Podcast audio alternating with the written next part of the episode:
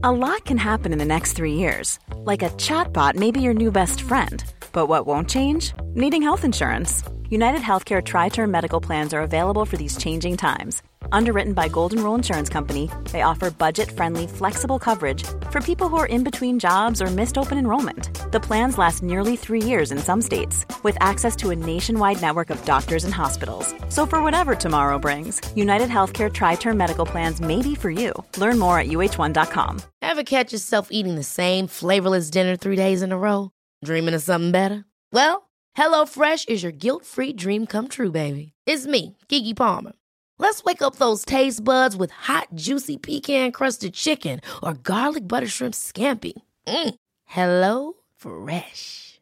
Stop dreaming of all the delicious possibilities and dig in at HelloFresh.com. Let's get this dinner party started. There's never been a faster or easier way to start your weight loss journey than with PlushCare.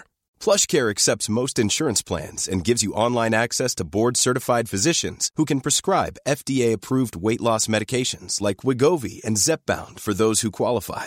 Take charge of your health and speak with a board-certified physician about a weight loss plan that's right for you. Get started today at plushcare.com slash weight loss. That's plushcare.com slash weight loss. plushcare.com slash weight loss.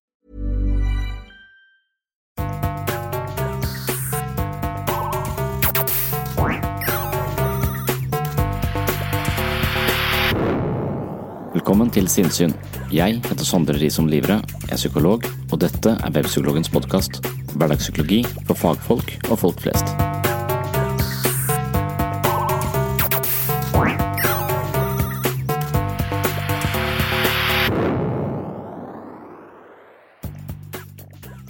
I denne episoden skal jeg se på risikofaktorer og varseltegn på selvmord. Hvordan hjelpe en person med selvmordstanker, og hvordan vurdere selvmordsfaren. Dette er vanskelige spørsmål, og det er nærmest umulig å lage en fullverdig oppskrift. Jeg gjør likevel et forsøk. I en serie kortere episoder har jeg valgt å sette selvmordet på agendaen. Hvert år er jeg på kurs i hjerte- og lungeredning, noe som gjør meg i stand til å starte gjenopplivning på en person med hjertestans. Imidlertid er det et faktum at verken trafikkulykker, overdoser eller kreft tar like mange liv som selvmord blant unge voksne i Norden. Kanskje er det like viktig å lære seg en type førstehjelp ved selvmordsfare. I alle fall kan det være lurt å ha tenkt på selvmordet før vi eventuelt møter fenomenet, enten hos oss selv eller hos noen andre. Det er ikke så uvanlig å ha selvmordstanker i perioder av livet, men heldigvis er det mer uvanlig å handle på selvmordstanker. Ofte er selvmordstanker et symptom på et dypereliggende problem, og hvis vi kan nøste oss innover til kjernen i problemet, kan det hende vi finner en bedre løsning enn døden.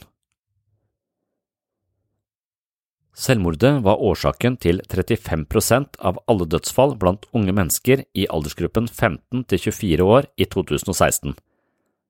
Det betyr at selvmord var den nest hyppigste dødsårsaken i den aldersgruppen dette året. 338 personer døde av selvmord i aldersgruppen 35 til 64 år. Det var også 35 selvmord 19 menn og 16 kvinner blant unge under 20 år og 22 selvmord blant eldre 80 år og oppover. Henging og kveling var de vanligste metodene for selvmord blant begge kjønn og var dødsårsaken i 276 selvmord, 44,9% Imidlertid var det bemerkelsesverdige kjønnsforskjeller. Den nest vanligste selvmordsmetoden var skyting og eksplosive stoffer blant menn mens det var forgiftning blant kvinner. Oslo hadde det høyeste absolutte tallet på selvmord med 75 selvmord, som tilsvarer en rate på 13 per 100 000 innbyggere over ti år, etterfulgt av Hordaland med 67 selvmord, som tilsvarer 14,8 per 100 000 innbyggere, og Akershus på tredjeplass med 52 selvmord, noe som tilsvarer 10,1 per 100 000 innbyggere. Hedmark fylke hadde den høyeste selvmordsraten, 18,2 per 100 000 innbyggere, og Akershus den laveste, som altså da var 10,1 per 100 000 innbyggere, og dette er da personer over ti år. I 2016 var januar måneden med høyest antall selvmord, etterfulgt av mai og april. Hva skal man gjøre når noen vi kjenner planlegger et selvmord? Hvordan kan vi vite at eh, de tenker på selvmord? Hva kan vi si for å hjelpe dem? Det er mange spørsmål, og jeg tror at det vil hjelpe mennesker i krise dersom vi vet svaret på noen av dem. Akkurat som vi kan hjelpe folk med hjerte- og lungeredning i en akutt situasjon hvis vi har vært på kurs og vet hvordan det gjennomføres. I løpet av dagens episode får du også høre utdrag fra selvmordsbrev. Det er ikke uvanlig at folk skriver et brev eller en eh, liten notis til de etterlatte. I de små klippene vil du høre en fremmed person lese opp et selvmordsbrev fra noen de ikke kjenner. Det kan gjøre et sterkt inntrykk.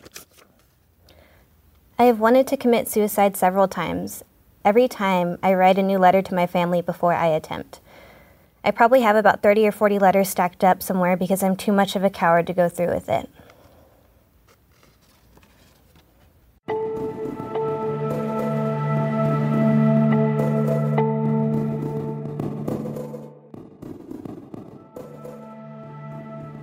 Har oppførselen til noen du kjenner endret seg så mye at det bekymrer deg?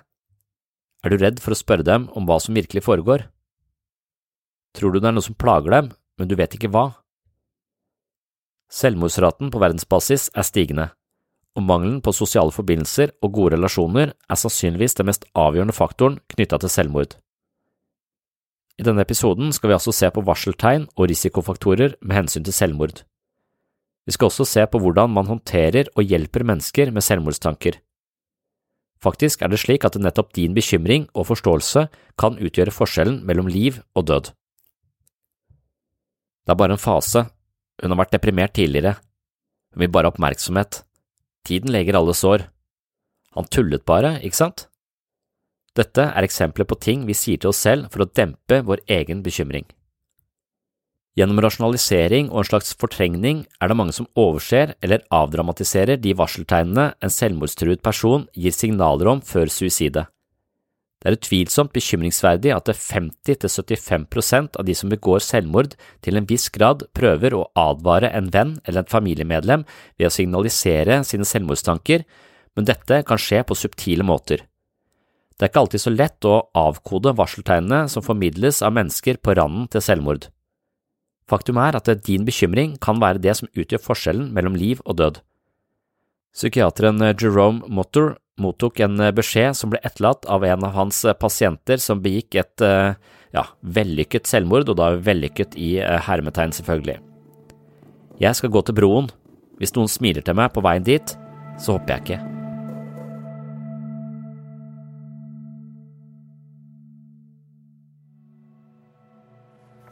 I felt like I was useless because that's what my parents told me that I was a failure and a loser. I believed them. I felt like a burden to everyone. I just wanted to erase my existence. I think it was when I lost my friend to cancer that really saved me. It made me feel like it was selfish of me to choose to die when some people don't even have a choice. Listen over risikofaktorer i forbindelse med selvmord er ganske lang. Jeg har forsøkt å samle opp de mest presserende faktorene i en liste som jeg nå har tenkt til å lese opp. Den er sånn stikkordspreget. Så først så er det en del risikofaktorer som er knytta til tap. Det er tap av helse, tap av en kjær person eller et samlivsbrudd, tap av jobb, penger, status eller bopel, tap av følelsen av personlig trygghet eller selvtillit, tap av et sosialt nettverk, venner, familie eller bekjente på grunn av flytting, jobbskifte, sykdom eller død. Og så er det også en del andre faktorer som øker risikoen for selvmord, og de inkluderer tilgang til våpen, alkohol- og eller stoffmisbruk, aldring, emosjonelt traume, mye eller langvarig motgang, personlig opplevelse av familiemedlemmer eller venner som har begått selvmord eller tilfeller av stor mediedekning av ett eller flere selvmord. Personer med en historie preget av aggressiv eller unormal, kanskje til dels også antisosial atferd. Personer med en historie preget av risikabel oppførsel. Personer med en historie preget av forsømmelse eller misbruk. Personer med en historie preget av selvskading. Ellers er andre faktorer fangenskap, impulsivitet, psykiske lidelser, sosial isolering og arbeidsledighet. I min bransje, altså psykisk helsevern, så er jo ofte depresjonen den, eh, skal vi si, tilstanden eller lidelsen som eh, vi ofte eh, forbinder med også selvmordstanker og i verste fall selvmordsforsøk eller, eller rett og slett selvmord. Og depresjon er da en avgjørende risikofaktor ved selvmord. Det betyr ikke at alle som er deprimerte er suicidale, men to tredjedeler av de som døde ved selvmord var deprimerte og 30% av de som var innlagt på sykehus for alvorlig depresjon, forsøkte å begå selvmord. Ingen blir vant til depresjon. Selv om noen du kjenner lider av depresjon nå og da, så betyr ikke det at vedkommende er så vant til depresjonen at de ikke borger for bekymring. Hvis en person rammes av en alvorlig depresjon, så er det opp mot 70% mer sannsynlig at vedkommende vil oppleve flere alvorlige depressive episoder. Den gode nyheten er at det finnes flere psykoterapeutiske teknikker som virker forebyggende og kurativt i forhold til depresjon. Kognitiv atferdsterapi i kombinasjon med medisinering er eksempler på to intervensjoner som har gode resultater i forhold til å overvinne depresjon. Dog er problemet i mange sammenhenger at den selvmordstruede kanskje trenger din hjelp for å innse at han eller hun trenger behandling. Depresjon er ikke bare en følelse av å være litt nede og nedfor av og til, eller at man reagerer sterkt på en eh, vond hendelse, en vanskelig livssituasjon, eller at man eh, sørger over et tap. Av og til er det selvfølgelig helt naturlig å føle seg tungt til sinns, og man skal ikke diagnostisere depresjon med naturlige variasjoner i menneskets humør. Klinisk depresjon blir kun diagnostisert hvis eh, fem eller flere av de følgende symptomene er til stede over en periode på to uker, hvorav ett av symptomene må inkludere tap av interesse eller glede over normale aktiviteter eller en eh, nedstemt depressiv grunnstemning. Følgende faktorer representerer diagnostiske kriterier for oppfyllelse av en depresjon. Forandring i appetitt eller vekt, forandring i søvnmønster, redusert sexlyst, nedsatt stemningsleie, redusert evne til å tenke eller konsentrere seg, vanskeligheter med å ta avgjørelser, tretthet eller tap av energi, følelsen av skyld eller at man ikke er verdt noe, mangel på interesse for aktiviteter man vanligvis liker, snakking eller bevegelse med uvanlig hastighet eller treghet, det som ofte kalles for nedsatt psykomotorisk tempo, og tanker om død eller selvmord. Symptomer på depresjon og selvmord kan overlappe hverandre. De følgende er symptomer som eh, kan føre til selvmord, derfor må de betraktes som risikofaktorer og varseltegn i forbindelse med selvmordsfare. Først og fremst er det en følelse av håpløshet. Det kan være forandringer i spise- og søvnevaner, redusert ytelse på jobben eller skolen, eller det motsatte i tilfeller hvor den selvmordstruende har et økt aktivitetsnivå og en slags eh, ivrighet som ikke ansporer til bekymring for depresjon, men som likevel da kan representere denne fasen hvor vedkommende har bestemt seg for å dø. Så man kan altså ha disse utviklingsforløpene hvor en person er eh, nedfor over lang tid, planlegger selvmordet, og idet planen er lagt, alt er til, tilrettelagt for å begå selvmord, så vil personen oppleve en stor grad av lettelse, og da kan det være at de er eh, mer aktive og mer oppstemt enn, enn normalt, så man ser da et plutselig forandring i stemningsleie. Frykten for å miste kontroll, skade seg selv eller andre er også en uh, følelse personer kan ha i forbindelse med selvmordsfare. Følelsen av at man er verdiløs, føler følelser av skam, skyld eller selvhat og svært negative tanker knyttet til egen person. Mangel på personlig hygiene og hensyn til utseende, forandringer i personlighet, sinne, angst, apati, irritabilitet, mangel på interesse for normale aktiviteter, tristhet, tilbaketrekning, kraftløshet og sosial isolering. Dette blir litt uh, overlappende, men uh, det er igjen bare masse stikkord som uh, man vet er varseltegn, eller små sånne varskotegn på at her kan en person være i faresonen for, for selvmord. I've always had this feeling that I'm not doing as much as I can in this world, or I'm not changing the world in any way. So, what's the point in living? The summer of my sophomore year, I tried to kill myself. The other kids at the hospital were some of the nicest people I've ever met. They supported me, unlike my teachers and family, who called me selfish and cowardly for my actions. Hmm. I don't know how I, how I feel about that word associated with suicide. I think it's kind of like a word used to shame rather than help. Som sagt er lista over varseltegn på selvmord og risikofaktorer veldig lang, og litteraturen er full av viktige stikkord. Så i det følgende vil jeg liste opp noen flere punkter som ofte er signaler eller varseltegn på et eh, forestående selvmord. Tvetydige utsagn som eh, du kommer ikke til å se meg da, eller eh, du trenger ikke å bekymre deg over meg lenger. Depresjonen forsvinner plutselig. Av og til er det slik at de depressive tankene og den melankolske stemningen avtar i det momentet en person har bestemt seg for å ta sitt eget liv, som jeg nevnte tidligere. Utviklingen av en selvmordsplan hvor langt en person har kommet i sine selvmordsplaner er alltid avgjørende. Dersom vedkommende allerede har en konkret plan, representerer dette en alvorlig risikofaktor. Så det er også noe vi ofte spør eh, pasienter om eh, når det er snakk om eh, selvmord og selvmordstanker, hvorvidt de har en konkret plan for hvordan, når og på, på hvilken måte de da skal ta sitt eget liv. Og de menneskene som har tenkt så mye på det at de faktisk har en helt konkret plan, de er altså nærmere å selvmorde enn eh, en de som ikke har det. Så, så, dette er en eh, alvorlig risikofaktor. Ellers eh, så kan man se etter litt mer ettertrykkelige utsagn om suicidale tanker og følelser, ekstrem agitasjon, angst eller raseri, følelser av desperasjon og panikk, øking i alkohol- og narkotikamisbruk, upassende vitser om død eller selvmord, fascinasjon for morbide historier, utarbeidelse av testamentet eller at man eh, gir bort eiendeler, forestående situasjoner som medfører psykisk smerte. For noen kan det dreie seg om eh, ferie hvor det sosiale samværet på jobben opphører en periode, andre ting som handler om eh, svekkelse av sosiale nettverk, som eh, eksempelvis tap av arbeid, samlivsbrudd osv., det er også da eh, en faktor eller faktorer som øker selvmordsfaren. Og Det er jo nettopp fordi at det er vår kobling eller vår tilknytning til flokken som er kanskje det mest livsopprettholdende vi har.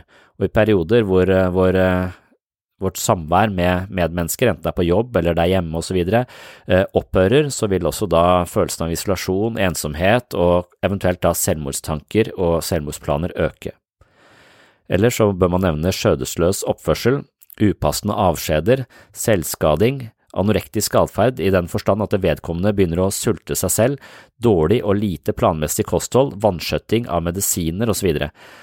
Isolasjon har jeg nevnt eh, flere ganger, og det er kanskje den mest avgjørende faktoren, men man kan også eh, se for seg at eh, mennesker med økt selvmordsfare har en slags høylytt undring om døden, selvmordet eller himmelen og mer sånne religiøse ideer.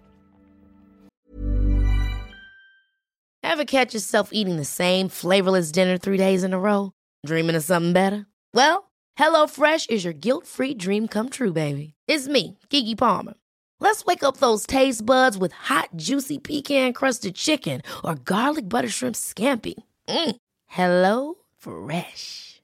Stop dreaming of all the delicious possibilities and dig in at HelloFresh.com. Let's get this dinner party started. Burrow's Furniture is built for the way you live.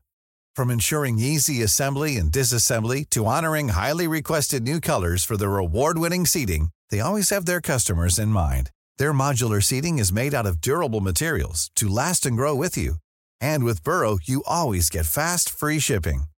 Get up to 60% off during Burrow's Memorial Day sale at burrow.com slash ACAST. That's burrow.com slash ACAST.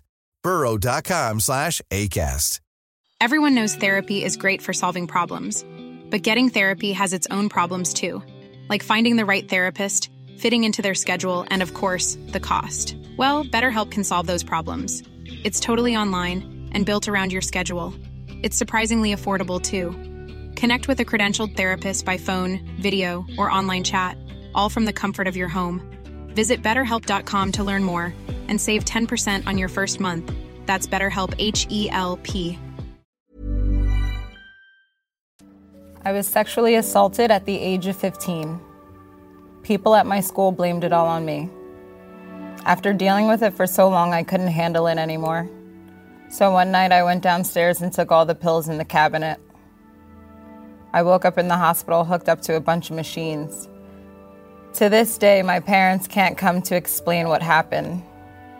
They get too choked up every time.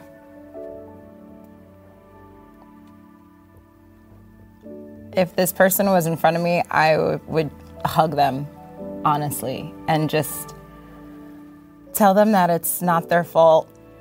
She had no control over somebody else's actions. And it's awful that she's left with the repercussions and all of the feelings and the emotions. But I promise you, it gets better. It gets better. Og det bringer oss over til eh, det neste og svært eh, avgjørende spørsmålet hva kan man gjøre? Hva kan man egentlig stille opp med dersom noen forteller oss at de ønsker å begå selvmord? Punkt én, og det viktigste punktet, er rett og slett ta dem alvorlig. Det finnes noen myter om selvmord som ikke holder vann. Et lite utvalg er som følger. De som snakker om det, gjør det ikke. Husk at 50–75% av alle som begår selvmord, prøver å varsle noen om deres intensjoner. En annen myte er at de som prøver å ta sitt eget liv, er eh, gale eller sinnssyke, og indirekte da, min venn er ikke gal eller sinnssyk. Da skal man huske på at kun 10% av de som begår selvmord, er psykotiske eller lider av en alvorlig mental lidelse. De fleste fungerer fint i sitt daglige liv. En annen myte, de problemene er ikke alvorlige nok til at han eller hun tar sitt eget liv.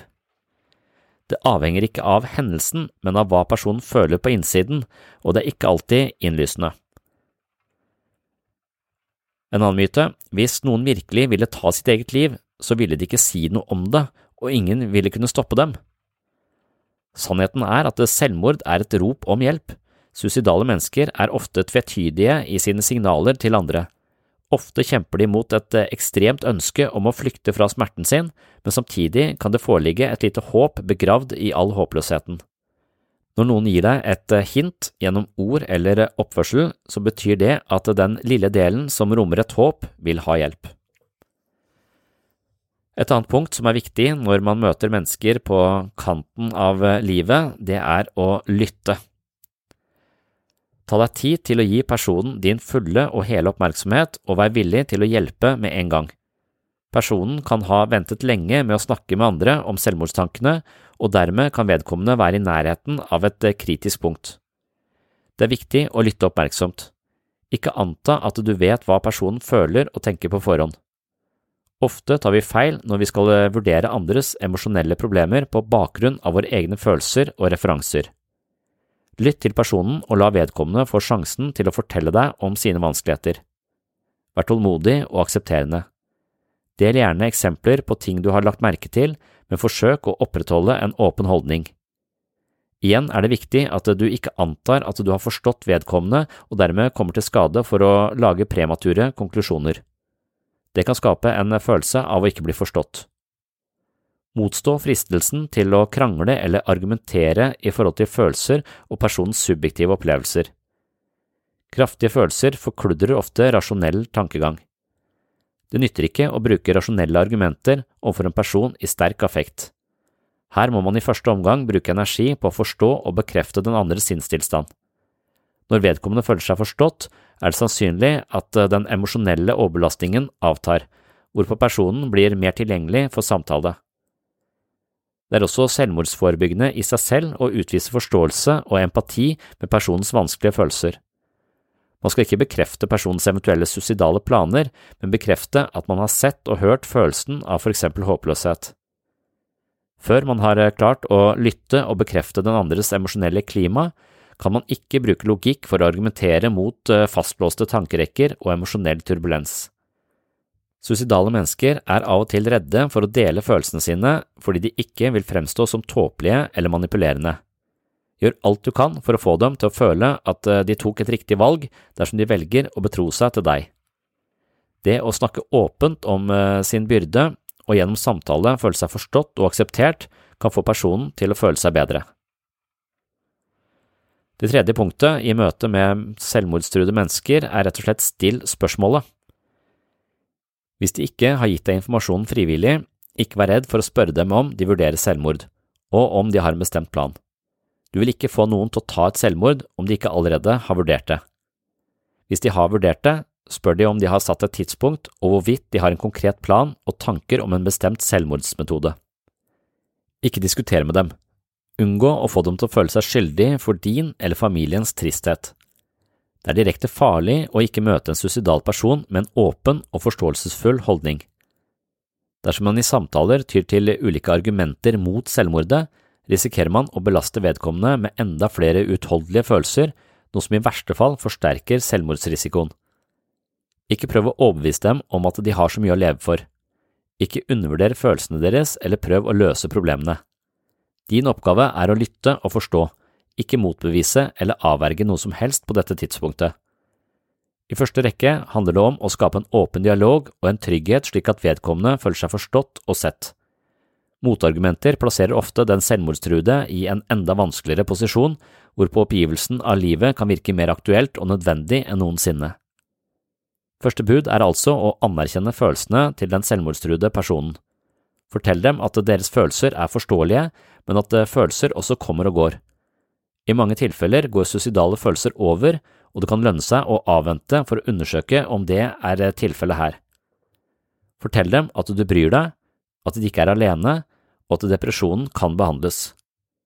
I aksept og varme er på sett og vis det viktigste grunnprinsippet når det kommer til eh, personer som er på kanten av livet. Det neste punktet handler om å skaffe hjelp. Finn ut om de går i terapi eller tar medisiner. Hvis personen har tatt medisiner, gjør ditt beste for å finne ut hva og hvor mye, og hvor lenge siden og hva de har spist. Tar de andre medisiner for andre helsetilstander, er også det viktig informasjon. Ring giftinformasjonen dersom du har muligheten til dette. Ring etter en ambulanse om det er nødvendig, eller ta dem med til sykehuset. Ring legen dersom det er en mulighet i forhold til tidspunkt på døgnet.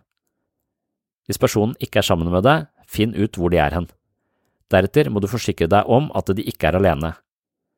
En suicidal person kan først nekte å motta medisinsk hjelp. De kan motsette seg samarbeid og avvise dine forsøk på å hjelpe. Kunsten er igjen å ikke dømme dem for dette, men snarere lytte empatisk og forsøke å forstå deres håpløse situasjon. Dersom man klarer å være empatisk til stede samtidig som man iverksetter nødvendige tiltak, eventuelt i motsetning til personens egne ønsker, har du gjort en god innsats. Det handler om å være forståelsesfull, men også konsekvent og bestemt samtidig, rett og slett for å redde liv. Det siste punktet, punkt fem, det dreier seg om eh, hva som skjer etter krisen. Dersom personen ikke har forsøkt eh, selvmord enda, så vil det i mange sammenhenger være opp til deg å påse at vedkommende ikke er alene. Her gjelder det å skaffe hjelp, enten fra psykisk helsevern eller familie og venner. Uansett må man passe på å ta kontakt med noen for å få hjelp. Dette er ikke bare for den selvmordstruende sin skyld, men også for din egen skyld. Man bør ikke stå i en slik vanskelig situasjon alene. Finn nummeret til giftinformasjonen og ha nummeret til krisetelefonen for selvmord i nærheten. Påse at det ikke finnes hjelpemidler for selvmord i hjemmet deres. Din venn eller kjære må konsultere en profesjonell innenfor psykisk helsevern eller mental helse. Selvmordsfare kan ikke vente. Håpløsheten og de andre overveldende følelsene vedkommende sliter med, gjør det ofte vanskelig for dem å presse seg selv. Hjelp dem med å skaffe hjelp med en gang, uansett hvor motvillige de er. Vær tålmodig og iherdig.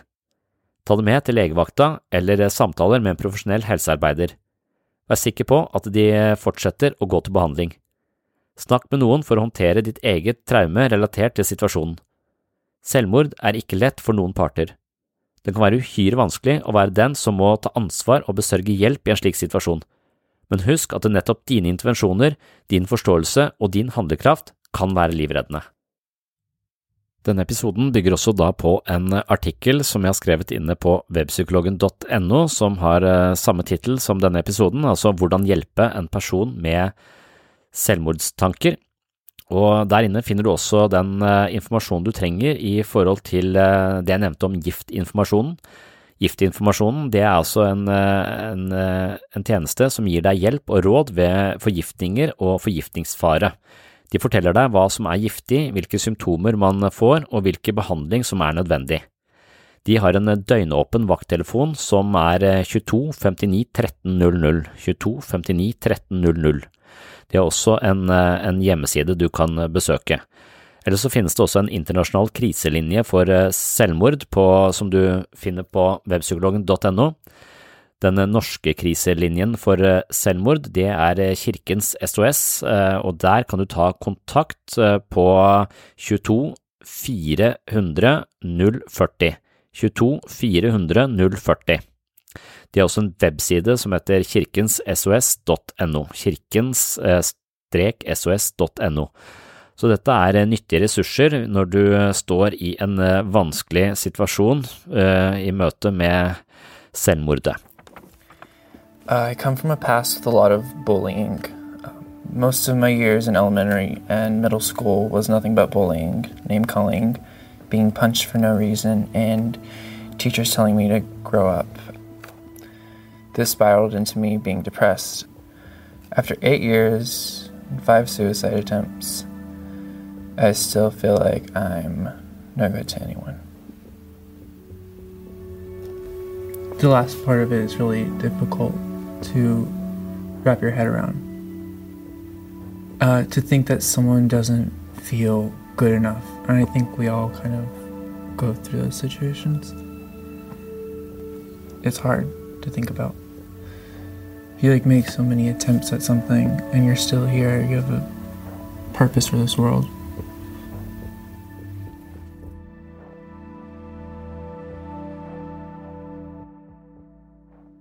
Takk for at du hørte på Sinnsyn.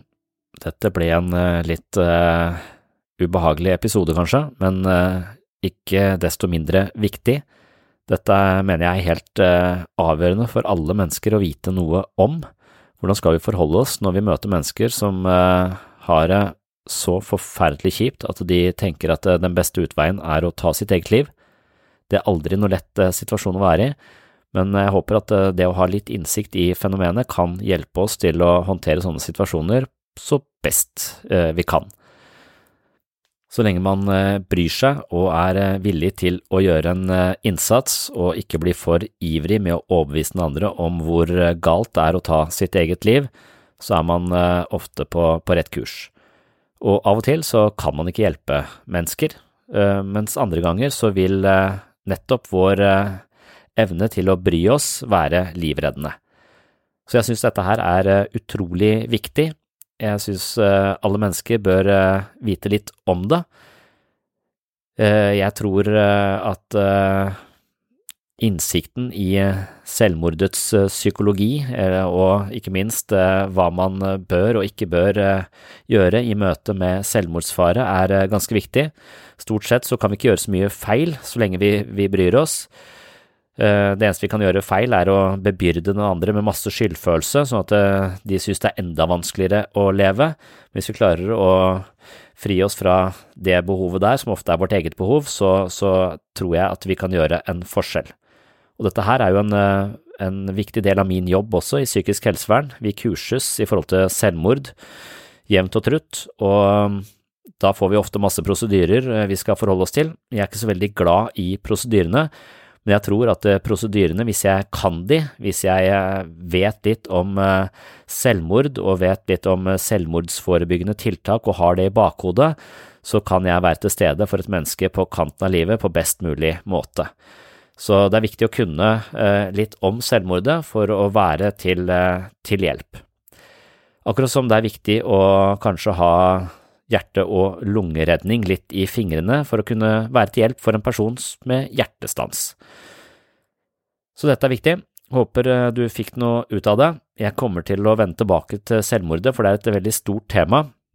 Denne gangen så var det jo litt avgjørende å bare lage en slags oppskrift eller noen tips til hvordan vi hjelper personer som er på kanten av livet, men i de kommende episodene så vil vi se litt mer på selvmordets filosofi og ulike innfallsvinkler til å forstå dette fenomenet. Det blir ikke fullt så tungt som det har vært i denne episoden, for da tror jeg vi skal ta et litt mer filosofisk blikk på tematikken, og da kan vi ta et skritt tilbake og, og kanskje puste litt, litt lettere. Jeg synes i hvert fall dette er, for meg så er det alltid vært svært utfordrende å møte mennesker som har det så kjipt at de tenke på å ta sitt eget liv, og det er noe jeg måtte trene på, og det er noe jeg måtte tenke en del på for å kunne håndtere den delen av, av jobben min. Men jeg mener også det ikke bare er en jobb, men også en del av det vi må kunne håndtere som medmennesker. Yes, altså ingen humoristiske innslag denne gangen, men neste gang så håper jeg det blir en litt lettere stemning her. Ok, på gjenhør.